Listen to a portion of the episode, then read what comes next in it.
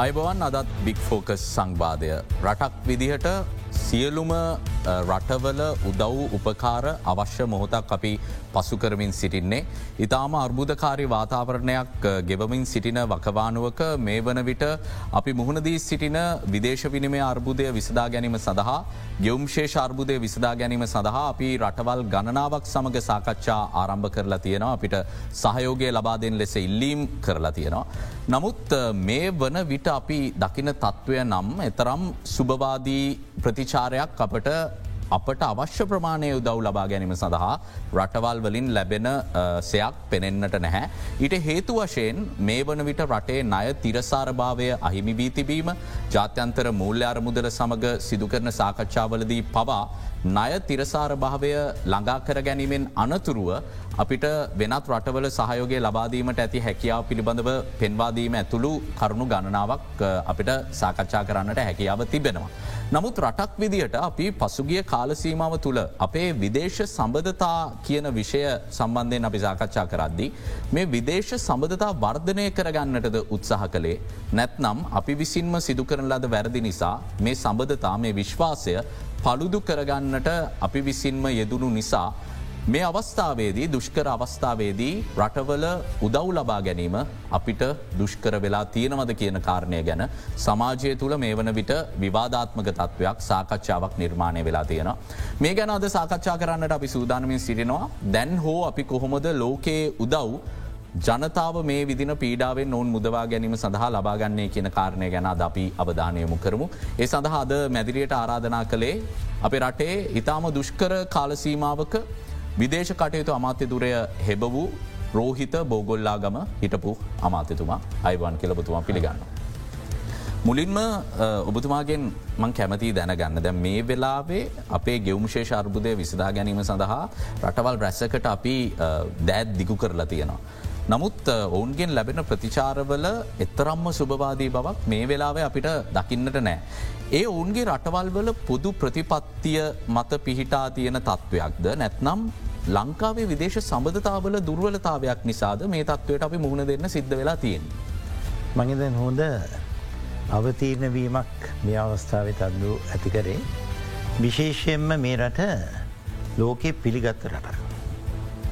අවුරුදු හැත්ත දෙක නිදහස් කාල පරාසයක් තුළ මහිතන්නේ විදේශ සමතතා මට්ටමින් විශාල පිළිගැනීමකට ගෞරවයකට සහයෝගයකට අත්වෙච්ච රට. එන ඇයි මේ වෙනසාද එක අපිතන් රුවන මේක අලුතෙන් බිහි වෙලා සම්බන්ධකම් ගොඩනගන්ඩ උත්සා කරන රටක් වියයුතු නෑ. සම්බන්ධතා තියාගෙන තිබ්බ රටක් අවුරුදු හැත්තෑවට පස්සේ එව නැති වෙලා තියෙන අවස්ථාවකටයි අද අප මුහුණ දීල තියෙන. මිට වඩා බැරෑරුම් හේතු සාධක තිබ්බ අවස්ථාවක මංහිතන්නේ ත්‍රශ්වාදී යුද්ධය. තෙරෙහිම යුද්ධය ජයග්‍රහණය කිරීම කාරිභාරය ඒ වෙලා මං මෙහෙවෙනකොට විදේශමාත්‍යවරයා විදියට ලෝකයේ පූර්ණ සහයෝගය අර්ධ සහයෝගයක් නෙමේ සම්පූර්ණ සහයෝගය අපිට ලබා ගණඩ පුළාවුණ. එබද අපේ ප්‍රතිපත්ති රාමුව ලෝකයේ පිළිගත්ත ත්‍රස්සවාදය අබ්බායන්් ප්‍රජාතන්ත්‍රවාදය ගරු කරන රටක් විදියට ලෝකයට අපට කතා කිරීමේ හැකියාව අපි නිර්මාණය කරගෙන අපි පසුගිය කාලවලදී. මට ඉස්සල්ලා හිටපු විදේශමතිවරු අග්‍රමාතිවරු ජනාධිපතිවරු කරපු කියපු කාර්යභාරය ඒ ආකාරයෙන්ම ශක්තිමත්ම අපට ඉදිරියට ගෙනයන්න පුළවන. නමුත් අවාසනාවකට පසුගේ අවුරු දෙක දෙක හමාරු තුළදී විශාල කඩා වැටිව තනිවීමක්. ලෝකයේ තුළ මංහිතන්නේ ඉතාමත්ම දුර්බල ගනේ සිදුවෙන අවස්ථාවත් තමයි තනිවීම කියන. ලෝකය කියන්න රටවල් දෙසීයකට තියෙන රට ලෝකයක්. රටවල් දෙසියක් තියෙන. අද මොන තලයකවත් අපි නියෝජනය වෙන්න. ලෝකයේ තියෙන ප්‍රධාන තල එක් සජාතික සංවිධානය තුළ වේවා. අපි චෝගම් නැත්තං පුදුරාජමන්ලය තුළ වේවා අපි ආසියානුකරයේ තිබෙන තල තුළ වේවා අපි සාකලාපය පිළිගැනීම තුළ වේවා කොහෙද අපේ නියෝජනයක් දකිට ලැබෙන්නේ. කොහෙද අපි කොයි කොටස වෙනුවෙන්ද අපි ලෝකයේ තුළ අපේ ස්ථාවරය එලි දක්වල තියෙන. අපි රුසියාවත් එක් ගන්දෙනුවක් කරනවාද.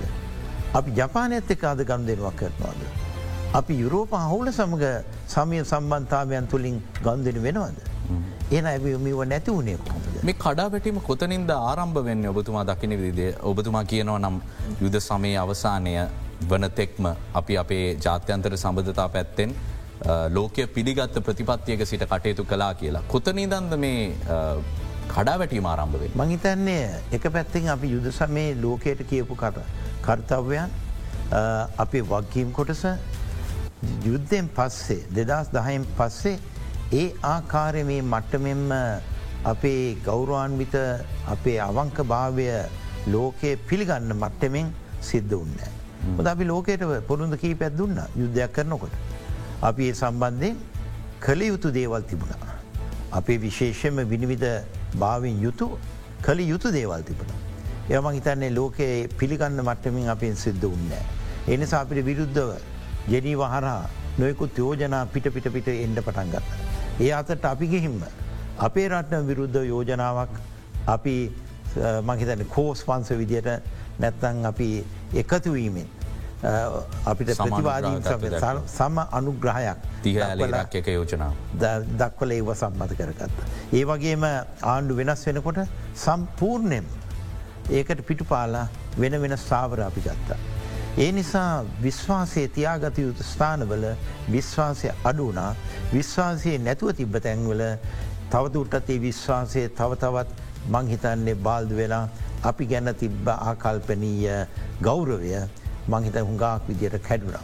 ඒක ගොන්නගාගන්ට. ඔබතුමා විශ්වාස කරන විදිහට මේ වෙලාවේ කිසිම රටක් තමන්ගේ පහසු සීමාවෙන් එලියට ගිහිල්ල රාමුවෙන් එලියට ගිහිල්ල අපිට උදව් කරන්නේ නැත්තේ ඒ තරම් මිතු දමක් කිසිම රටක් එක් අපි පවත්වාගෙන යන්නේ නැති නිසා කියන කාරණය දබතුමා මතු කර. මහිත විශේෂය අබලොන් ජපානය කියන්න අපිත් එක්ක එදදා නමසය හතලි සට ඉල්ල ඉතාමත්ම සමීප සම්බතාවය. ජපානය අගමැතිවරය තමයි ශ්‍රී ලංකා ජපන් මිත්‍ර පාලිමින්ත මිත්‍ර සංගමය සභාපතිත්වය සමහර වෙලා දරන්න. ඒ සමහරේ තරම්ම සමීප සම්බන්ධාවය සහ අපි කියනවා අර අවංක මිත්‍රයෙක් කියන එක. මට මතකයි ෆොකූඩා අගමැත්තුමා ලංකාවට සීගිරය කෞතුකාගාරය මගේ ආරධනෙන් ඒ අවස්ථාවද ලංකාවේ වියුත්ත කරන්නට ජපන් ආධාර අනුව අපි ගොට ඇඳේ. ඒ තුමා කරපුදේ ජපාන හිටු භගමැතිවරය විදියට නැවත වතාකේ අවස්සයි ලංකාවට. ඒ වෙලා අපි කරපුදේ මං විදේ ශමාතිවරය විදියට අධිරාජවරය සම්ක රටේ ජනාධපති මහින්දරාජ පක්සිටේ එතුමයි ඒ ආරාධන ලබල අපි ඒ අවස්ථාවන් වලසා. ඒ ඇන සමීපත්වය. කෙනෙකුට එන්ඩ කියලා සමීප සම්බන්ධය වර්ධනය වෙන එක. නමුත් අදමකක්ද ජපන් තානාපති තුමා අද ප්‍රකාශයක් කල්ල තියෙන මහිතැන්ට දෙමල ජාතික සන්ධානයට ජපානය ශ්‍රී ලංකාවට ආධර් ලබාදීම ගැන කිසිදු විශ්වාසයක් නෑ. මේ අවස්ථාව. මේ අවස්ථාව. මේ අවස්ථාව නැත කවද අපිට ආධාරෝනේ. උන් කියන මිස්මනේජ්මන්් ගැන ඔවුන්ට ලංකාවට දෙන ආධාර මිස්මැනේජ්මන්ට. එට මීට කලින් ලංකාවට ආධර් නොදුන්නද. මේට දුන්න හැම ආධාරයක් හොඳට මැනේ ජුනාද. නවත් මන්දකින්න මේක අර බෑ නොකයා. හේතුවත් දක්කනා දුන්නට වැඩක් නෑ මේක කරගණ්ඩ හරි විදියක් දන්නෑ මේ රට කියන එක. ඔබට මේ මං හිතන්නේ විශ්වාසයක් නෑ ශ්‍රී ලංකාය ප්‍රතිපත්ති රාමෝගෙන. ඔබතුමා මේ ආණ්ඩුව බලයට පත්වීමේ අනතුරුව කාලසීමාව ගැන අපි අවධානයමු කරොත්. අපි දැක්ක රටවල් එක්ක ඔබතුමා මතු කරන ආකාරයම විශ්වාසය පළුදුවෙන ආකාරය තීන්දු තීරණ ගණනාවක් ගත්තා. නැගෙනහිර පර්යන්තය මූලික කරගෙන ඉන්දියාවත් එක්ක ඔවුන්ව යම්කිසි ආකාරයක සිත්‍රිද වන සිදුවීම් මාලාවකට ඔුන්ට මුණ දෙන්න සිද්ධ වුණ. ඊට පස්සේ එල්ලාට ව්‍යාපෘතිය සම්බන්ධයෙන් ජපානයට දීල තිබ පොරුන්දු අපි කඩ කලා. අනිත් පැත්තෙන් නැගෙනහිර පරයන්තයටත් ජපානය සම්බන්ධයකුත් තිබුණ ඒ ගිවිසුමට අදාළව. ඉන් අනතුරුව මේ යනාදී වශයෙන් අපි ආසන්නතම සිදුවීම ගත්තොත් රුසියාවේ ගුවන්්‍යයානය සම්බන්ධෙන් කටයුතු කරපු ආකාරඇත් එක් අපි රුසියාව එක්ක තිබ්බ සබඳතාත් පළුදු කරගත්තා. ඊට පස්සේ අමරිකාව එක්කත් අපි එතරම්ම සුභවාදී සම්බන්ධතාවයක් අරගෙන ගිය නැහැ. එතකොට දැන් බොහෝ දෙනෙක් කියන කාරණය තමයි මේ පළුදු වෙන තීන්දු තීරණ ගන්න පාර්ශවයන්ම තමයි මේ වන විටත් මේ ආණ්ඩුවේ බලය දරමින් සිටින්නේ. ඒ පාර්ශවයන් අයින් වෙනකම් මේ රටවල් වල උදව් ලබා ගැනීම සිහිනයක් පමණය කියල ඔබ එකට එකඟ වෙනවාද. මයිතන ඒක ඉතාමත්ම නිවැරදි නිගමනයක්. මොකද රටක් එක්ක ගන් දෙනු කනකොට රටක් නියෝජනය වෙන්න පුද්ගලයම් විසි. ඒ පුද්ගලයාගේ ආකර්ශණය මත තමයි හුඟක් සම්බන්ධතාවයන් විශේෂයෙන්ම විදෙස් සම්බන්ධතාවයන් ගොඩ්නගන්නේ රටේ තියෙන ගල් පොල් ගල් භූමිය දිහා බල්ලනෙමේ. කහුමද ප්‍රතිපත්ති රාමුවසා ඒක නියෝජනය කරන විශ්වාසවන්තනීය භාවය රකින පුද්ගලයෙන් කවුද කියන එක. වචනයක් මං හිතන්නේ විශේෂයෙන්ම රාජතාන්ත්‍රික මට්ටමි. වචන වෙනස් කරන්න බෑ කොහොමත්. තමුන් නිවැරදි විය යුතුයි නිවැරදි විදියට කතා කළ යුතුයි. ඒ වගේම කරනදේ වෙනුවෙන් තමුන්ගේ මතය ඒ ආකාරයම නියෝජනය කරන්නට තමුන් දැනගණ්ඩ ඕනේ ක්‍රියාවට ඒක පත් කිරීමේ. එම නැතුව නිකං දේශන කරලා ඒ තුළින්ම රටක් ලෝකයක් සම්බන්ධකයන් ගොඩ්න ගණ්ඩ බෑ. පුද්ගලයකුට තියෙන ගෞරය තුළින් තමයි රටට ඒ ගෞරවය ගලාගෙනට පටන් ගන්න. එහෙම තමයි අප ලෝකෙ දිහා බැලුවොත් නිදර්ශනය එමටයි ඒ හැම එකක්ම. අද ඉන්දියාවගවන්න. මෝදී අගමැත්තුමාට තිවෙන විශේෂ ආකර්ශණය ගෞරවය ලෝකපුරම් විහිදිල තියෙනවා. ඒ තුළ ඉන්දයාට විශාල ශක්තියක් ලබගත. ඔය ආකර්ශණය ගෞරවය ගැන කතා කරද්දි. වර්තමාන අග්‍රාමාත්‍ය රනිල් වික්‍රමසිංහ මහත්මයා මේ පාර්ලිමේන්තුවේ තනි මන්ත්‍රීවරයෙක් විදිහට ගිහිල්ල මේ අග්‍රාමාත්‍ය දුරය බාර ගැනෙක්දී. බොහෝ දෙනෙක් විචාරකින් ඇතුළුව කියපු කාරණයක් තමයි ඔහුට රාජතාන්ත්‍රික සම්බන්ධතා සම්බන්ධයෙන් සාපේක්ෂව අනිත් අයට වඩා ඉදිරියෙන් ඉන්න චරිතයක් අපේ රටේ. ඔහුට ගෞරවයක් තියෙන චරිතයක් ජාත්‍යන්තර මට්ටමේ. ඒ නිසා ඔහු විසින් මේක බාරගත්තර පස්සේ ජාත්‍යන්තර උදව් ලැබේ කියලා. නමුත් මේ වෙද්දිත් එතුමා සති දෙකෙන් දෙකට ඇවිල්ලා කොයිතරම් අපහසුද ජාත්‍යන්තරය උදව් ගන්න කියලා අපිට කියමින් සිටිනවා. ගැන ඔහුත් මේ පද්ධති ඇතුළේ අසමත් නේද. නෑ විශේෂ මෙතනමන් දකින්නේ පුද්ගල යනෙමේ විශේෂ ඔහු නියෝජනය කරන කෞුද කියනකයි. ඔහුට දැම් පාර්ලිමේන්තු සම්ප්‍රදාය අනුව වෙස්මින්ස්ට ක්‍රමයකට තමයි ශ්‍රී ලංකායි පාර්ලිමේන්තුව හැඩගැසින්ටුවන. ඒක ඇන්නේ පාර්ලිමේන්තු බහුතරයක් තමයි අගමැත්තුමාගේ නියෝජනය වෙන්නේ. බෞතරයේ දරණ කෙනාගේ තමයි ඒ පක්ෂයේ තමයි අගමැත් දූරයට පත්වෙන්නේ. දැන් මෙතන එක පාන්ත්‍රී ආසනයකින් යුතු අගමැති කෙන්නේ පත්කරගත්තට අර BBC එකින් හඳුන්වනවා එම්පලොයිඩ් ප්‍රයිමිස්ට of ශ්‍රී ලංකා කිය. ඒඇන්නේ සේවයට බඳවාගත්ත අගමැතිවරයෙක් තමයි ශ්‍රී ලංකාව. දැන් ඒක එතුමාට අගෞරුවයක් නෙමේ එක රටට අගෞරුවයක් විශේෂයෙන්. මොකද අපි ඒක තමයි කියන්නේ පාර්ලිමේන්තු සම්ප්‍රදාය අනුව බෞතරයකින් අගමතිවරේ පත්වෙන්ටෝට කියන. එව නැතු එක්කෙනෙකුට ගිහිල්ල ගැට ගැසීමක් කරනවානම් ඒක ලෝකයේ පිළිගැනීමක් වෙන්න මං හිතන්න මෙතන වෙලා තිබෙන ප්‍රධානම සාධකය තමයි අපි සුළුතරයකුත් නෙමේ නැති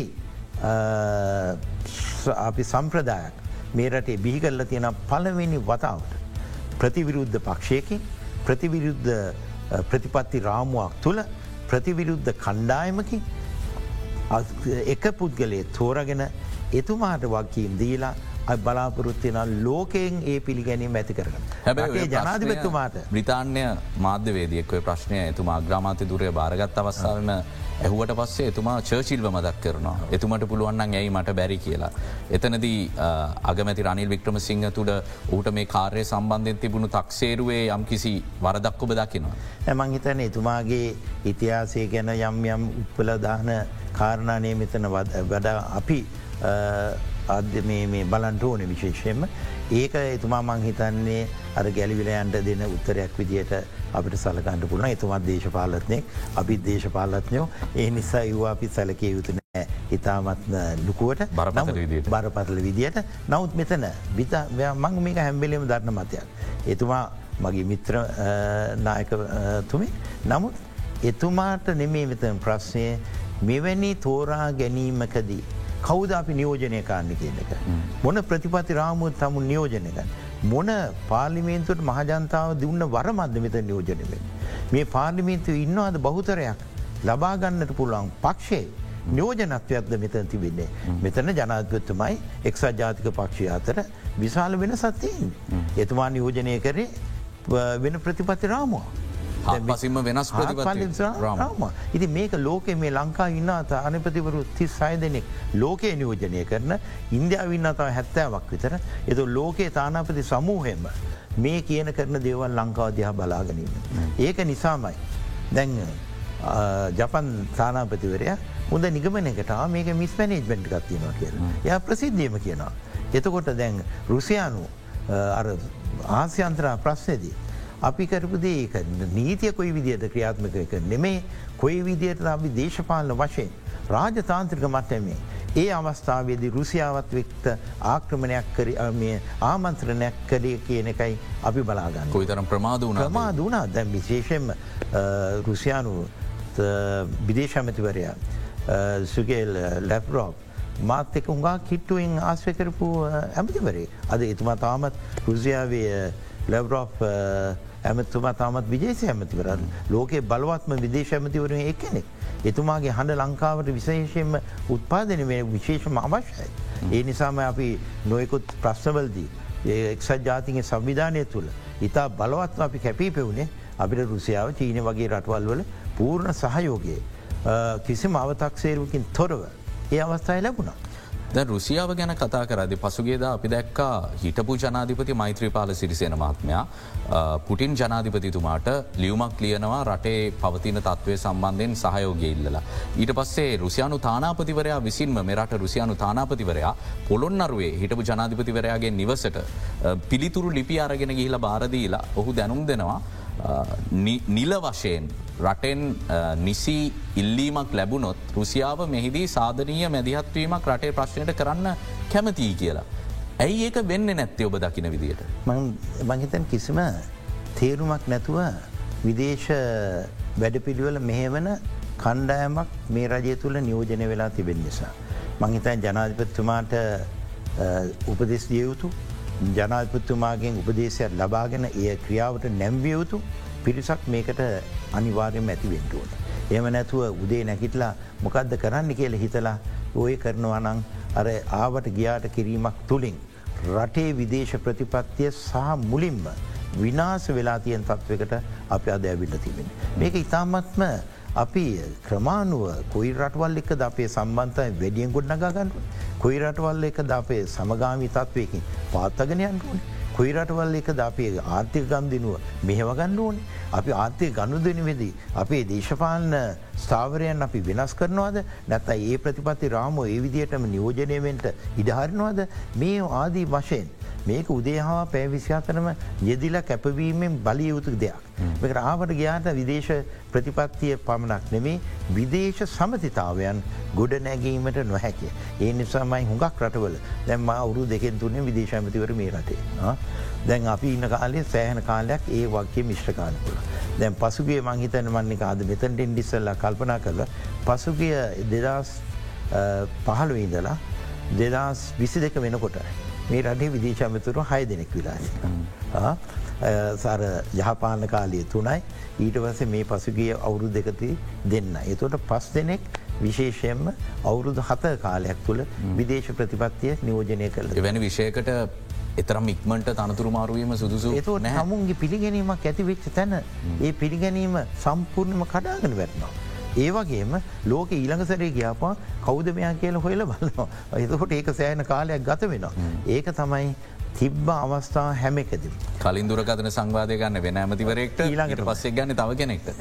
දැන් ඒ වගේ ඒව කරන්න බෑ විශේෂයෙන්ම. ද මෙතන ලෝකයේ භූදේශපාලනික වටපිටාව ගැන හිතද්දිත්. ලෝක ඇත්තරම අදවෙද්දී යුද්ධයකින් මොකද රුසියානු යුක්්‍රේණ අර්බුදය හිතුවට වඩා දිග්ගැස්සෙමින් පවතිනවා. තු ලංකා වගේ රටකට රුසියාවේ උදව් කෙලින් පතන්නට බැරිමට්ට මේ බාධාවක් භූදේශපාලනික බාධාවක් ඔබතුමා නිරීක්ෂණය කරනවාද අනෙක් කඳවරේ යම් කිසි බලපෑමක් මත මොකද මේකත් සාකච්ඡාවට ලක්වෙන නිසා. නෑ විශේෂෙන්ම රුසියාවයි ශ්‍රී ලංකා අතරතය සමධියාව යුක්්‍රේන් පටලැවිලි එන්ඩ මත් බොහෝ කල්කට ඉස්සල්ලා ගොඩනැගිච්ච දේවල්. ශ්‍රී ලංකා ආර්ථිකයට සුවිශේෂ දායකත්වය. මං හිතන්න හැටක දසකේ සහ පනස් දසකයේ සිට ශ්‍රී ලංකාවට ඒදා තිබ්බ USSR රුසියානු මේක මොකක්ද අපි කියන්නේ USSR කියන්නේ රුසියා වෙන්ටිස්සල්ලා තිබ්බ නියෝජතය වනේ රුසියානු ෆෙඩරල් රාජයක් විදියට. රටවල් විසි දෙකක් ඒකට අන්තර්ගත වුණා. ඒ තුළ කමිනිස් වාදය තිබ්බ ප්‍රධාන සංකේතවත් රට තම එදා රුසියාව සෝවියත් සෝවියත් රුසියා. සෝවියත් රුසියාවෙන් ලැබිච්ච සහයෝගය ලංකාට උපමර.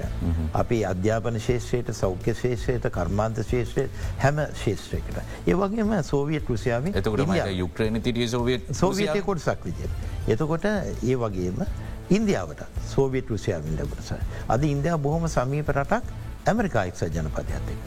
නමුත් සෝවියත් සම්බන්ධාව ඒ විදියටම ගෙනියාමය හැකියාව. ඔවුන් කනිජතෙල් ලබාගන්න රුසියාව රුසියාව. ඒ වගේම තාමත් යුරෝපිය රටවල් වල එක පැත්තේ යුක්්‍රේන් යුද්ධය නිසා රුසියාවගේ ක්‍රියාකාලපය අනුමත කරන්න. නමුත් ආර්ථික සහයෝගේ හැම්බෙලේම ගෙනියන්ට උත්සා කරනමුක නැත්තම් මිනිස්සුට තෙල් නැතුව ගෑස් නැතුව ඩීසල් නැතුව සීත කාලවලදී උෂ්ණත්වයට රඳවාගන්ට මාර්ගයක් නැතිවෙනකොට රුසියාවදයා බලන්ට සිත. දැන් රුසියාවෙන් විශේෂයෙන්ම බලපෑම එන්නේ බීට් නිෂ්පාදය සම්බඳ. යුක්‍රේන්සා රුසියාව තමයි ලෝකෙන් සියට හැටක් ඇත්තෑවත් තිරගු නිෂ්පාදන. අද යුරෝපය ඉංගලන්තයට පවා තිරගු නිෂ්පාදනයේ බලපෑම දැන් ඇතිවගෙන නවා. එහෙම නම් අපි හොර සම්බන්ධයනුත් විශාල ආර්ථික සම්බන්ධාවස අපේ තේත්‍රීකයන් අපි තේටික යන්නේ මේ හැමති ඇම අවස්ථාකට. එහෙම නං අපි ඇයි එව්වා සම්බන්ධයෙන් සමාලෝචනය කරලා. අපිට ලෝකයට කියන්න පුළුවන් අපේ සම්බන්ධාවෙන් මීට වඩා වෙනස් සම්බන්ධාව. ඒක කීමේ හැකියාව නායකත්වය තමයි අපි රටක් විදියට ධාරණය කරගන්ටුව. රටක් පොඩි නිසා නෙමේ රටක් පොඩිවෙන්නේ. රටක හැකියාවන් තමුන් ඒ විදියටම උත්පාදනය නොකර. ඒක පැතේ නිහඬවීම නැතානි පැතින් නිවටවීම. ඒ නිසා තමුන්ගේ ස්ථාවරය ලෝකෙට කියනවන අපේ සම්බන්ධව අපි ගෙනයන්නේ යුක්්‍රේනාක්‍රමණය වැරදි ඒක සම්බන්ධයෙන් ඒ ස්ථාවර වෙනම ක්‍රියාත්මක විත නමුත් අපේ වෙල්ද සම්බධිතාවය ඒ ආකාරයෙන් අපි කළ යුතුයි අපි දියුණු වේගෙනන රට අපිට රුසියාවේ යුනිසිටිස් වෙල් අපේ ළමයි ඉගෙන ගන්න. ඒ වගේ රුසියාව සම්බන්ධාව අපිට දීර්ඝ කාලන වශයට අද දක්වා පාත්තගෙන අප රට. ඒ වගේම රුසියාවේ ලැබ්‍රෝ විදේශඇමතුමා ලංකාවේ තානබිල් සේවී හිටපු කෙනෙක් ලංකාවකයන් රුසියානු සෝවියට් රුසියාව තිබෙන කාලේ ලංකාවේ නියෝජනය වෙච්ච සෝවියට් රුසියානු තානාපති කාරයාලේ තුන්වෙනි ලේකම්වරය විදියටයි ඔය විදේශඇමතුමා ලංකාව හිටිය. එතුමත් එක මං කතාකන්නේ සිංහල භාසාාව. එතරම් එතුමා සමීපයි. ඉති මේ වගේ දේවල් තියෙනකොට ඇයි අපි නැති කරගන්න. රුසියාව විදේශකට ඇමතුමා සිංහල භාෂාවෙන් කතා කරන්න කතා කරන්නේ. ඉතින් එතකොට අපිට ඒක විශාල ශක්තියක් ආඩම්බරයක් සහ ගෞරවය. එතුවා මගේ ආරාධනය පිළිට විශේෂෙන් මැවිල ගිය ලංකාවට. ඒCD එකට එන්න බැරිවෙච්ච නිසා. නවත් නමුත් මේ වෙලාවේ අපි මොකක්ද කරේ මොකද බලශක්ති අමාත්‍යවරයා කටා රාජ්‍ය සංචාරයක නිරත වෙනවා. පස රුසියාව වගේ ඔබතුමා කියන විදිට අතීතය ඉදං ඉතාම සමීප සම්බන්ධතා තිබුණු රටකට අධ්‍යාපන අමාත්‍යවරයා තමයි යන්නේ තෙල් ලබා ගැනීම සම්බන්ධයෙන් සාකච්ඡා කරන්න. එත්තනම එවැනි රටකට අපි ලබාදීපු අර ඉහල පෙළේ නියෝජිත කණ්ඩායමක් නෙමෙයි ඒ සඳහා යොමු වෙන්නේ සඳහා විෂය පැවරීතියෙන් අමාත්‍යවරයාවත් යන්න. මේ වගේ දේවල් කල්ල කොහොමද විශේෂයෙන්ම විදේශ සම්බන්ධාවයන් රටේ ජනාධිපත් තමයි ප්‍රධාන රටේ විදේශ අපි කියන්නේ රාජතාන්ත්‍රික සම්බන්ධාවය ගෙනියීමේ ව්‍යවස්ථානකුල බලධාරයා සහ විදේශ ඇමතිවරය. ඒ දෙගුල්ල ඇරුණුකොට වෙන කෙනෙක් මේකට රිපලේස් කළ යුතු නැත. අඩුවාන විශේෂ නියෝජිතයෙක් විදියට අගමැතුමා යවන්න පුළුවන් ජනත්පතුම මෙව තමයි කළ යුතුයකෙන් පිළිගැනීමක් දිය යුතුයි. යන ගරු කිරීමක් ඒක තමයි ගරු කිරීම. ඒක තම අපි කියන්න ප්‍රටකෝල්ලයක් කියලා. දැන් අපිට විශේෂයෙන්ම රාජතාන්ත්‍රික මට්ටමින් සැලකීමක් ලබන්ටන රාජතාන්ත්‍රික දූත මෙහවරක් කළ යුතු ආයතනයක් නියෝජන වියුතිය ගැන විදේශකටයුතු ආයතනයම අමාත්‍යන්සයම ඒකට මෙහෙ වියුතු. සහ රට මේ වගේ තත්වකට පත්වෙලා ඉදිද අපිට ඔන්ගේ උදව් ඉතාම අත්‍යවශ්‍ය මෝතක්නේ. ඒකතයි මං විශේෂම කල්පන ඒ අගමැතිවරයට මේ විදේ සම්බන්ධාවෙන් තියෙනවන ඒක ප්‍රෝජෙන්ට ගන්න ඇත්තේ. මේක තමයි අවස්ථාව කමන්වල්තක තිබ්බ මේ ළඟදි ගිය මාසේ ජූනි මාසේ. ඒකට රටවල් පනස් එකක චෝගම්මකට ඒක යන්නේ අපි කියන පුදුරාජ මණ්ඩලිය රාජනායක සමුළුව. මේ සමුළුවට කරේ ලංකාව නියෝජනත්වය යන්ට තිබ උපරේ මට්ටම ජනාධපත්තුමාගේ මට්ටම අගමැත්තුමාගේ මට්ටම මොකද අපිට අවස්ථාව රටවල් පනස් එක නායකෙන් එක්ක ගණු දෙනුවක් කරගන්ති භවස්ථාවක්. ඇයි අපි ඒව කරගන්න. හොද අපි තවදුරටත් මේ විශෂය සම්බන්ධය සාකච්ඡා කරම් බොහෝ දෙන කුණන්දුවෙන මේ දිනවල අපි කොහොමද ජාත්‍යන්තර සබඳතා හසුරවා ගනිමින් සිරින්නේ මේ අර්බුධකාරය අවස්ථාව කියන කාරණය ගැන යම්කිසි ගැඹුරු අවබෝධයක් ලබා ගන්නට කෙටි විරාමයක් ලබා දෙන්න ඉක්මනින් හමුණ.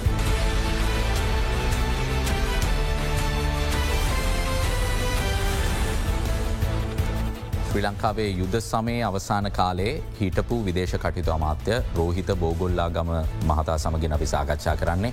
මේ වන විට පවතින අර්බුදකාරී වාතාවරණය තුළ ශ්‍රී ලංකාව තමන්ගේ මිතුරු රාජ්‍යයන් සමඟ කටයුතු කරමින් සිරින ආකාරය ගැන අපි විරාමයට පෙර අවධානයමු කළේ. හිටපු විදේශ කටයුතු අමාත්‍යතුමනි දැන් ඔබතුමා කිව්වා අග්‍රාමාත්‍යවරයෙක්ට ලෝකයේ පිළිගැනීම හිමි වෙන්න නම් වෙස්මිනිස්ට සම්ප්‍රදායට අනුව පාලිමේන්තුවේ බහුතරය පිළිගන්න අග්‍රමාත්‍යවරයෙක් බවට පත්විය යුතුයි. අපි උපකල්පනය කරමු යම්හයකින් අපි යළිත් මේ පවතින අග්‍රාමාත්‍යවරයා වෙනුවට වෙනත් අග්‍රාමාත්‍යවරයෙක් පාලිමේන්තු බහුතරයකින් පත් කරගන්න. නමු ජනාධිපතිවරයා විදිහට ජනතා චන්දයෙන් වසර පහකට පත්වෙලා ඉන්න ගෝටාබේ රාජපක්ෂ මහත්මය. අපි ඔය මුලින් කදා කර විදියට විශ්වාසය පළුදුවෙන ඇතැම් තීන්දු තීරණ ගැනීමේදී එතුමාගේ දේශපාලනායකත්වය එලෙසම තිබුණා. එවැනි වට පිටාවකත් අපිට ඔය කතා කරන අපි අපේක්ෂා කරන මට්ටමේ විශ්වාසයක් ජාත්‍යන්ත්‍ර මට්ටමේ ගොඩනගාගන්න පුළුවන් වේද. ජනාධිපතිවරයා තවදුරටත් ජනාධිපති වටපිටාව. විශේෂයෙන්ම මෙතන අපි ව්‍යවස්ථාව අනුව විදායක ජනාධිපති බලයක් තිබෙනවා. නමුත් විදායක ජනාධිපතිවරයා ආණ්ඩුවක් මෙහවන්නේ ඒ ඇන්නේ රජයක් මෙහවන්නේ කැබිනට්ටුව හරහා. කැවිනන් මණ්ඩලේ තමයි ඒ බලය නියෝජනය කරලා ඒ අවශ්‍ය ක්‍රියාවලිය රටට ඉෂ්ට කරන්න. ඒක ප්‍රධානය විදියට ජනාධිපතුම ඉන්න ප්‍රධාන ඇමතිවරු අතර එක්කනෙත් තමයි අගමැතිවරය විදියට පත්වෙන්.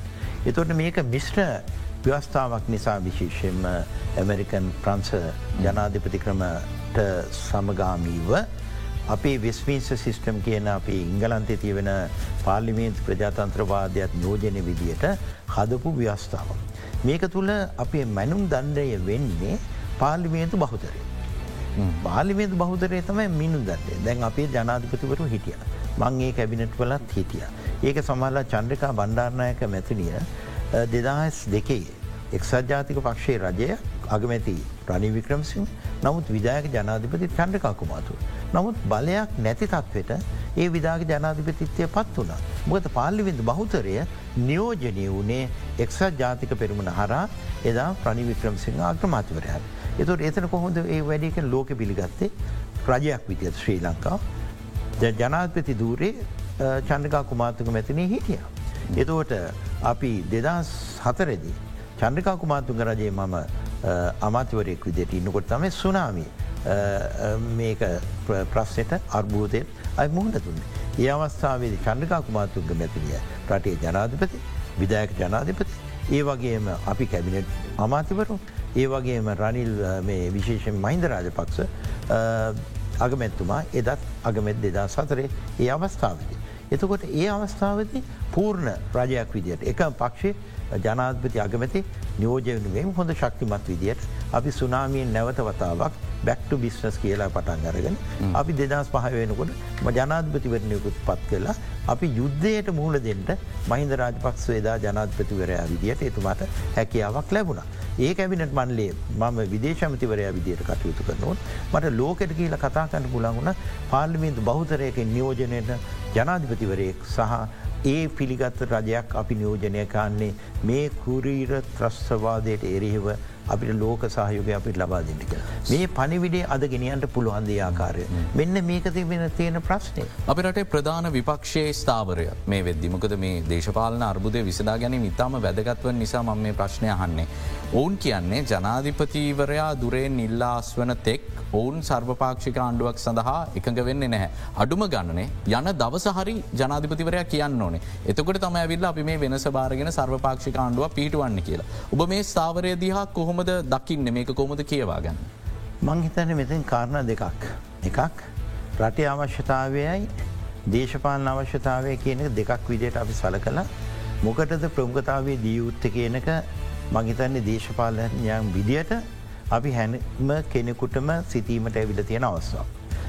මහිතන්නේ දේශ විශේෂෙන් අපි ගත්තොත් සජි ප්‍රේමදස විපක්ෂනායකතුමාගේ ස්ථාවරය වෙලා තියෙන යන දවස කියන්න එහමනම් මම සූදානම් රජය භාරගන්න. එතු මේක සාධාරණය කරණයකොත් කරන්නේ බලන්න අග්‍රමත රනිල් වික්‍රමසිංහ භාරගත්තා යන දවසකුත් නෑ ආණ්ඩුවට විශ්වාසකුත් නෑ මේක මෙහෙම කරන්න බෑ මම කියපක හරි කියලා. මහිතන් ඒ ස්ථාවරය දැන් හරියාගෙන එන්නේ එතුමාගේ මතය යන්තාදුරට මංහිතන්නේ පිළිගැනීමකට ලක් වෙලා තිබෙන්නේ මේ අවස්ථාවේ රනිවික්‍රමසිංහ භූමිකාව ටිකක් පසු බෑමකට ලක්වෙච්ච නිසා.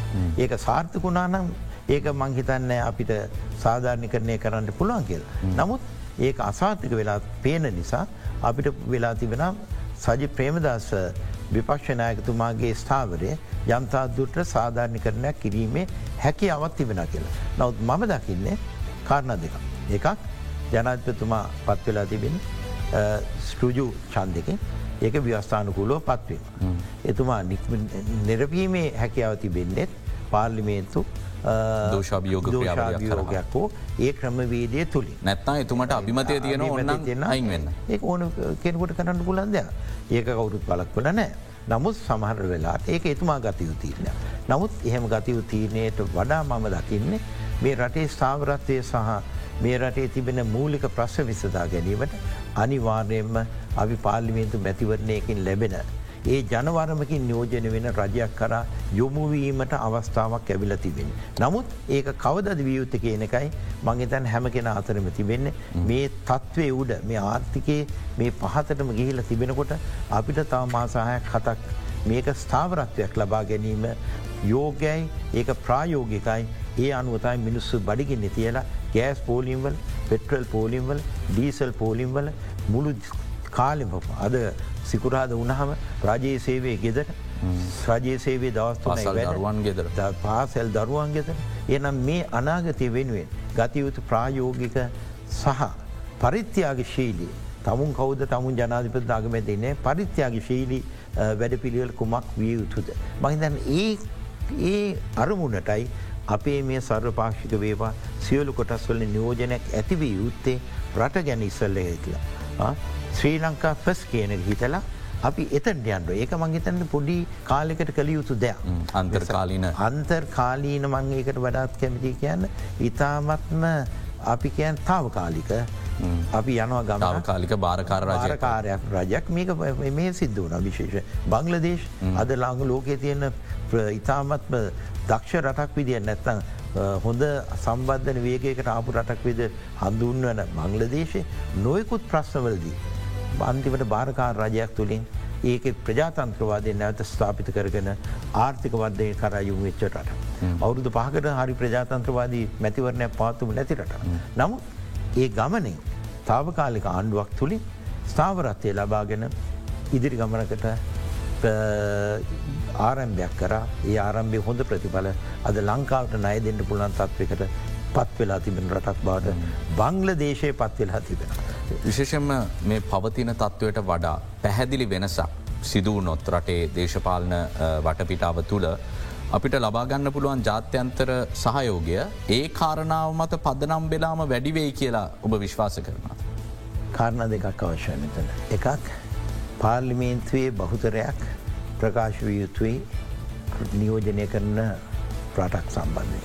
ඒ බහුතරය තුළ යම් කණ්ඩායමක් ගොඩනැගුණොත් ලෝකෙට කතාකාන්න පුළුවන් ලෝක පිළිගැනීම අපිට ඇති කරගන්න පුළුවන් මේ රටේ චන්දයක් වෙනුවෙන් කෙරන ව්‍යයාමේද රට ගොඩනැගීමේ අවශ්‍යතාවය පෙරට දාලා ඒ සඳහා අපිට ජාත්‍යන්තර සහයෝගි ගණඩ පුළුවන්. අපිට ජාත්‍යන්තර අපි කියන මේකට ඩෝන කොන්ෆරන්සයක් කියලා.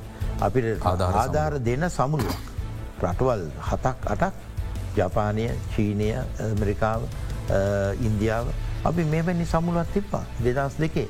අපි මේ ත්‍රස්වාදය පරාජය කිරීමෙන් සඳහා කියලා. ඉති මේ වගේ වැඩ පිරිවලවල් අපිට අනන්තවත් නිර්මාණය කන්නකොළ. අපි ලෝකයේ තිබෙන හැම වේදිකා තුළම අපි නියෝජනය වෙන්ටුවනේ. ඒ නියෝජනත් වෙතම විදේශමතිවරය විදියට ඒදවසල ඒආරපගේ ඒසිඩියක කොමන්වල්ත එක හැම කොටස්ම අපි ආවරණය කරගෙන අපි ඒ ගමන ආරම්භ කර. මේ රට දැන් අද විදේශමති කෙනෙක් එන්න රාජ්‍යනායක එන්න. අපි යන්න මේක තම අපි අර මගුල් ගෙදරකට යන්න පුළුවන් තත්ත්වයක් අපි අන්ඩුවනේ අපි අය ආරාධනා ඒ කොටස්වලට ලබා දෙෙන්ටන. අපි කිවොත් තම අපිට කියන්න අපිට කිය. ඉති ඒම නිසා අපි වෙනින් අපි විතරක් නෙමේ අපි වෙනුවෙන් ලෝකයේ ගොඩනගා ගැනීමේ ශ්‍රී ලංකාවක් අපි හදාගන්නටුව. ඒ සඳහා තමයි අපි ලෝක සම්බන්ධාවයන් තමයි ඒකට ප්‍රධානව සාධකය ඒ ඉනිමකක් අපි නැති තැනකට අපි ඉනිමගක් හදාගන්ටුව. ඒ ඉනිමග තමයි අපි ලාබාගන්ටුව. ආවට ගියාට කෙනෙක් හිටිය කියලා තැනකට ගීල වාඩි වුණා කියලා එතනින් තමුගේ හඩක් හෝ ඒ හඬට සමන් දෙන ඇහුම් කන්දීමක් අපිට ඇති කරගණ්ඩ බැන්නම් අපිට ඒ සහයෝගයක් නෑ ඉර් ලෝකය තුළ. අනි පැත්තෙන් චීනය මහිතන්නේ අපේ තවත් දිගුකාලින් ඉතාම සමීප මිතුරෙක්. නමුත් අපි පසුගේ කාලේ චීනය එක්ක තිබ්බ සබඳතාත් පළුදු කර ගැනීමකට ලක්කර මේ මධ්‍යම අධිවේගේ මාර්ගය සම්බන්ධ ගණු දෙනු ඇතුළු තවත් කරුණු කාරණ කහිපයක්ම මේකට බලපෑවා. දැන් මේ ණය ප්‍රතිවියහ ගත කර ගැනීම කියන කාරණයේදී ඔවුන්ගේ තීරණය ඉතාම තීරණාත්මක සාධකයක් විදිට ආය ඉදිරිට ඇවිල්ල තියෙනවා. පැරිස් කලබ් එක ඔවුන්ගේ තීරණඇත් එක්ක එකඟවේද නැත්නම් ඔය ඒක්වල් ට්‍රීටමන්ට් සමාන සැලකීම කියන එක මත විරුද්ධ වේද කියන කාරණය ඉතාම වැදගත් වෙලා තියෙනවා. චීනය තවමත් නිවරදිව ස්ථාවරයක් කියලා නැහැ නය ප්‍රතිවියෝ ගත කිරීමේදී ඔවුන් මොන විදියටද සහය දෙන්න කියලා. මේක මොනවිදියට බලපායිද අපි චීනය කොහොමදායි ආමන්ත්‍රණය කරන්නවා. චීනයතෑම අපේ නයවලින් වැඩි කොටසක දායකත්වය දරන්න. ඒවගේම චීන සහයෝගය නිසාම්මයි අපේ ගක් නයවල්ට අපි අවතීරණය වස්තුනේ. මේ නිසා අපිට චීනය නැතිවම බැරි සාධකයක්. ඒවගේම ආසියානු කරේ රටයක් විදියට චීනය අපේ බලවතා. ඒවගේම අපි ආසියානු කරේ අනිවාර්යම පිළිගත යුතු ප්‍රධානත්ම දියුණුවීමේ මාර්ගය සඳහා අත හිත දෙන්ට දෙකම දෙන්න පුළන් රටක් විදියට අපි චීනය පිළිගැනීමක් ලබාගෙනත් තිබෙන ඒක අපි ආරස්සා කර ගණ්ඩත් ඕයි. අපි පදු අපේ කරපුදේ ප්‍රතිපත්ති මේ වශයෙන් නෙමේ මහිත මේ පදුලු පළුදුවීම් සිද්ධ කරගන්තුදේ. අපේ සිද්ධ කරනේ දන්න ඇති දේවල් නොදැන විදිහට නෙමේ ඒවා හරි විදියට නොකරන්නට බැරිවීම හේතුවේ. එක පැත්තෙන් ඉන්දියාව සම්ම සමීප ආශ්‍රයක් අපි අනිවාරයෙන්ම සදා කාලීකව සදා ධර්ණීය ලෙස පවත්තගත යුතුමේ. ඒ වගේ චීනයේ තිබෙන ආර්ථික සහයෝගතාවය අපි උපරිම ලෙස අපේ වාසයට ප්‍රෝජන ගත්වත්තේ. ඒක චීනයේ ඉන්දියාව අතරත් තිබෙන සහයෝගේ. ආර්ථික සහයෝගේ ඉන්දියාව චීනය අතරතම වැඩියමතිය. ලෝකේ රටවල්ලන. චීනයයි ඇමරිකාම අතර තමයි ආර්ථික සහයෝගයේ වැඩියම්ම නිර්මාණය වෙලා තිබෙන්නේ. නමුත් දේශපාලන වශයෙන් නොයකු ස්ථාවර ගන්න මතිවතාන්දර තිබෙන එක වෙනම බේරේශපාලන ක්‍රමයන් පව වෙනස් වෙනස්. ඉති මේ තුළ අදකරපුදේ මේ රට අපි නිහඬවඉන්න චීනය අද හොංකොම්වල අලුත් නායකෙක් පත් කරලා ඒ නායකය පත්වීමේ මංගල අවස්ථා අද හොංකොං නගරේ පැත්තෙන. හොංගොන් ගැන්නේ ලෝ ආසියාය තියෙන ප්‍රධානම ආර්ථික මර්මස්ථානයක්. ඒකෙන් තමයි මේ රටේ මේ ලෝකයේ ආසියානු කරේ මුළු සම්පූර්ණම මුදල් හෝමාරුව සිද්ධ වෙන මධ්‍යස්ථාන. හොඳ අපි චීනය ගැන තවදුරටත් සාකච්ඡා කරන්න ඕන ඉතාම වැදගත් සාධකයක් වන නිසා මේ අවස්ථාවේ කෙටි විරාමයක් ලබාදේ.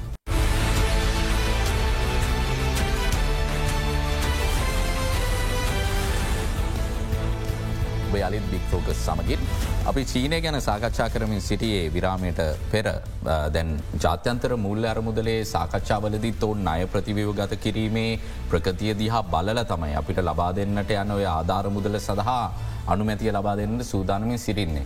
චීනය ප්‍රතිපත්තියක් විදිහටම කවදාවත් මේ විදිහට ණය ප්‍රතිවීව ගත කිරීමක් සඳහා යොමු වෙලා නැහැ. ලංකාව මේ වෙලා ඔවුන් එක්ක තියෙන සබඳතාවයක් එක්ක මේ අපිට කරගන්න පුළුවන් වෙයිද චීනයත් එක් කතා කර. කරන්න බැරි හුඟත් දේවල් අපි කියන රාජතාන්ත්‍රික ශක්තිය තුළ කිරීමට ලෝකයේ හැකි වෙලා තිබෙනවා. චීනය එක වේවා යුරෝප හවුල එක්ක වේවා අපේ රාජතන්ත්‍රික භාවය තුළ ඒක තමයි ශක්තිය වියුත්තේ. ආවට ගියාට කතා කරාට නෙමේ. කරන්න බැරි දෙයක් කරව ගැනීම. අද අපිට අවශ්‍ය උපරිම සහයෝගය ණය ප්‍රති වූහ ගත කිරීම. ්‍රීස්ට්‍රක්චරින් අපා ඩෙට්. එතකොට අයමේ කියන්න අපිට දෙන්න මේ දෙට් එක රීස්ට්‍රක්ච කරන වැඩ පිළිවල. අපි එතෝට සල් කළ බාන්න. අපි දෙන්න ප්‍රමාණය තක්සයුතුකාන්න. ඒක හරි. ණයකාරයකුට ගත්තනය ගෙවීමේ හැකියාව තමුන්ට නියෝජ තවුන්ට පෙන්නන්ට බැරිනම්. තවත් නයක් ඒ සඳහා ගොඩදාගන්න පුළුවන්. ඒක මුළුල්ලේ ලංකාවේ රැඳී සිටි ජාත්‍යන්තර මුල්ල අරමුදලේ කණ්ඩායම එක තම අන්තිමට අන්තිමට කියලාගේ ඒක ඉගොල්ලි නොකිවත් අපි දැන ගන්ට ඕන මේ ගොල්ල එනකොට ජාතියන්ත මුල්ල පණ්ඩ එක සම්බන්ධයෙන් අපි ස්ථාවරය අපි කන්නු ගණු දෙනු කරන්න කොහොමද? අපේ උගක් නිල්ධාරින් අයිMFගේ වැඩ කරලා තියෙන කට්ටිය අපි තානාප සේවේ මගේ කාලෙත් අයිMF එක වැඩ කරපු කට්ටිය නියෝජනත්වයේ දැරුව ඒ අනුව අපි දන්න දේවල්වා අපි නොදන්න දේවල් නෙවේ. මේ රට මේ වගේ අවස්ථාවන් වලට මෙච්චර බැරෑරු නොනත් අපි ගොඩ ඇවිල්ල තිබෙන අවස්ථාවත. ඒක තමයි අපි හොඳ දක්ෂ කැබිනට් මණ්ඩලයක් ඉන්ටෝන මෙව්ව ගැන සාකච්ඡා කරල මෙවට මුහුණ දෙන විදිිය චීනෙත්තේ ගන්දන කරන විදිිය ඉන්දියාවත් එක්ක සම්බන්ධාව වැඩිකරගන්න විදිිය ඇමරිකාවට අපි යුතු අපේ ආමන්ත්‍රණය මොකක්ද කියනක දැනුවත්වීම මේක තම අපි කියන්නේ රාජතන්ත්‍රික හැසිරීම කියලා. නැත විදේශ කියන්නේ විදේශම නෙමේ. මේක රටේ හන්තර්ගතයට බලපාන ප්‍රධානම සාධකය තමයි විදේශ ශක්තිය. එන අපි චීනෙත් එක අපි ඒ වැඩ පිළිවෙල දැන් අවතීරණය වෙන්ට ඕන අයම එක තීරණයක් ගන්නකම් අපි කරබානඉන්න කන මේ මන්දකින්නේ. අපි මේ වෙනෝට අයි විශේෂෙන්ම ජනාධිපත්තුමාගේ මට්ටමය ශීජින් පින් ජනාධිපති චීනය අද හොංකොම්වල එතුමා ඉන්න. එතකොට අපේ සම්බන්ධාවය ගොඩන ගණ්ඩුවන විශේෂම දැන් අය ප්‍රතිවියෝ ගත කරන්නට මූල්‍ය උපදේශකෙක් සහ නීති උපදේශකෙක් පත් කරල තියෙන ජාත්‍යන්තර සමාගම් දෙක ඔවුන්ට කියල චීනෙත් එක් කතා කරන්න ඉඩ දෙනට වඩා ලංකාවේ ජාතික මට්ටම අපි මැදිහත් වෙලා මේක ආරම්භ කරන්න ඕනි කියන එක ඔබතුමා ඒකතම අවශ්‍යම. විශේෂයෙන්ම ඒ ප්‍රණය ප්‍රති ගත කිරීම අපි කියන නිල්ධාරි මට්ටමින් කරන ස්ත්‍රීස්ත්‍රක්ෂණින් වැඩ පිළිවට අවශ්‍ය සහයෝගයක් ලබාද. ඒක නිල්ධාරි කළ යුත්තය. ඊට පස්සම ඒක බෝඩ් එකට කියලා අයම බෝඩ් එකට කියලා ඉන්ටර්නේශන් මොන්ට්‍රි ෆන්ඩ එක බෝඩ් එකට කියලා බෝඩ් එක තීරණයක් වෙන්න දේශපාලන මට්ටම. එතන් තමයි අපිට ජෝ බයිටන් අවශ්‍ය වෙන්න ඒක හවුල් රටවල්. යුරෝපා හුලාව අවශ්‍ය වෙන්නේ අපිට බ්‍රිතාන්‍ය අවශ්‍ය වෙන්න මේගුලොට කියන මේ රට්ට නය දෙන්න. ද මේ වෙලාවේ ජෝ බයින්ගේ නමත් කියපු නිසා අපි රුසියාවත් එක්ක රිජු සම්බන්ධතා ඇතිකරගන්න මේ වෙලාව පැකිලීමකින් වගේ ඉන්නේ මේ දැන් වගකින් දරණය හිතන විදිට අපි මේ දැඩි බලාපොරත්තු තියාගෙනන්න ජාත්‍යන්තර මුල්ල අරමුදල වැඩෙත් ගැස්සිලායයි කියලා හිත නිසා වෙන්න බැරි. මං හිතන්න ඒක ක්‍රියතික. විශේෂයෙන්ම රටක් ලංකාවදයා බලන්නේ මේ අන්තිම දැන් ඔබතුමාට දෙනින්න ෑන කවුරරේ පාරයනකොට අපින් සරනාගත කෙනෙක් ඇවිල්ලා යම් උදව්ව බලාපොරොත්තු වෙනකොට ඔබතුමා ධර්ණ නිලියට ඒක එච්චර බලපාන්න නෑන ඒ වගේ අවස්ථාවක තමයි මේ ලංකාවින් අපි අධිතක් සේරෝකට යන්න හොඳ නෑ අපි ඇමරිකාවට තියන්ට අවශ්‍ය වෙන්නේ අපිට අවශ්‍යය මේ වෙලාව උදව් දව් අපගේ මුදව් ප්‍රධාන කාරණයක් වෙන්නේ. එකක් අපි මිලියන විස්සක ජනතාවක් ලක්ෂ දෙසීය විස්සක් නියෝජන වෙන ප්‍රජාතන්ත්‍රවාදය නියෝජනය කරන ජනතාවක් වෙන මේ සහයුක දෙට ප්‍රජාතන්ත්‍රවාදී රටවල් විදියට. අපි මේ රට අනුගම්නය කරලා තිය නිදහස් වෙල්ද ප්‍රතිපත්තිය. ඒ නිදහස් වෙල්ද ප්‍රතිපත්තිය තුළ අපි ලෝකෙත් එක් ගන්දනු කරලා තියෙන. ඒ නිසා ඒකට ගෞරුවක් විදියට අපිට මේ අවස්ථය සහයුග ලබද. අපි මේ රට ත්‍රස්වාදය පරාජය කරපුට රට. අබෙල්ල ත්‍රස්වාදය උදුදුවන්න තිබන ඉන්දියාවත් මේකෙන් බේරෙන් මේ ත්‍රස්වාදය. මැද පෙරදික බේරෙන්න්නෙත් නෑ ඇමරිකාතාය මේක ලුකම තර්ජනය වෙන්න මුදගෙත් ත්‍රස් ත්‍රස්වාදයෙන් බැටකාපු රටත් තම ඇමරිකාව. ඒමන ඒක පරාජයකරු රටක් විදියට අපිට මේකට සහයෝග දෙන්න. අපිත් එක වෙල්ද ගණු දෙනු කාන්න පුළන් ඒ වගේම ඉන්දිය සාගරයේ කේන්ද්‍රස්ථානයක් විදියට ශ්‍රී ලංකාව නිදහස් ප්‍රජාතන්ත්‍රවාදී ඒ වගේම නිදහස් ව්‍යසායක්. පාත්තාගෙනයන් රටක් විදියට අපිට ගොඩේන්ට පුළුවන්. ඒ නම් මොරීෂස් රට්ට ලෝක සහයෝගය ලැබෙනවන. ලංකාව වගේ ඉතාමත්ත සම්පූර්ණ ප්‍රජාතන්ත්‍රවාදී විහු ඇත්තිබෙන රටකට විශේෂම නීතිය ආධිපත්තිය තිබෙන රටකට ඇයි ලෝකෙන් ආසාහයුගේ ගණ්ඩ බෙරේ මේක අපිට පොල්ගහන් නගින්ට පොල්ගහන් නගින්න පුලාන් මිනිියත් තෝර ගන්ටුවන. ඒම ගියුත් තමයි පොල්ගහය තියෙන ගෙඩිටිය කඩාගන්න පුළ. අපි බිම ඉදලා පොල්ගහයේ ගෙඩි දිහා බලාගෙන පොල්ග වැටනකං හිටියොත් අපිට කවදාත් ගමනක් නෑ. අන්න ඒකයි මන් දකින්න මේ රට්ට වෙලා තියෙන්නේ මේකට හරි මිනිස්සු තෝරගන්න හරි තැන නියෝජනය වෙන්ට. හොදයි අපි අද රටේ විදේශ සම්බධතා සහ මේ වන විට අර්බුදකාරී වටපිටාව තුළ එය හසුරුවන ආකාරය ගැන යම්කිසි විශ්ලේෂණයක් සිදු කර ගත්තේ හිටපු විදේශ අමාත්‍යවරයකුගේ කෝණයෙන් මොකද මේ වන විට රටේ පුදු ජනතාව ඇතුළු බොහෝ දෙනෙක් බොහොම සරල ප්‍රශ්න මතු කරමින් සිටිනවා. ඔවුන් ලෝකය ගැන දන්න තරමින් අපි ලෝකය ගැන්න දන්න තරමින් අපි මතු කරන ප්‍රශ්නවලට අපිට පිළිතුරක් ලැබෙන්නේ නැහැ. ඇයි රජය මේ පීවරට යන්න නැත්තේ ඇයි රජය රුසියාවට යන්න නැත්තේ. ඇයි රජය චීනෙත් එක සාකච්ඡා කරන්න නැත්තේ. අපිට මේ සඳහා පැහැදිලි උත්තරයක් නැති නිසාද සාකච්ඡා කරාට පස්සේ හිටපු විදේශ අමාත්‍යවරයෙක් විදිහට එතුමා සඳහන් කරන්නෙත් මේ වෙලාවෙදී අපි අපි සතු සතුව තියෙන සියලුම විකල්ප උරගා බලන තත්ත්වයක් පෙනෙන්න්නට නැහැ. කියන කාරණය තමයි එතුමත් මතු කරන්න බෙහිවින්ම සූතියන්තය නොබතුමාට අද අපේ ආරාධනාව පිළිගත්තාට අපි ඉදිරියටත් හමුවමු. මේ වෙලාවේ අර්බුධකාරී අවස්ථාවෙන් රට මුදවා ගැනීම අත්‍යවශ්‍ය කාරණයක් බවට පත් වෙලා තිබෙනවා ජනතාව ඉතාම පීඩාවකින් සිටින්නේ. එනිසා අපි බලාපොරොත්තු වෙනවා මේ සාකච්ඡා හරහා සිදු කරන බලපෑම තුළින් හෝ සිදු කළ හැකි බොහෝ දේවල්වලට යොමුවෙන්න්නට වග කිව යුතු පාර්ශව කටයුතු කරයි කියලා. අදට අපි සංවාධයෙන් සමුගන්නවා හෙටත් හමුවමු සුපුරුදු වෙලාවටම.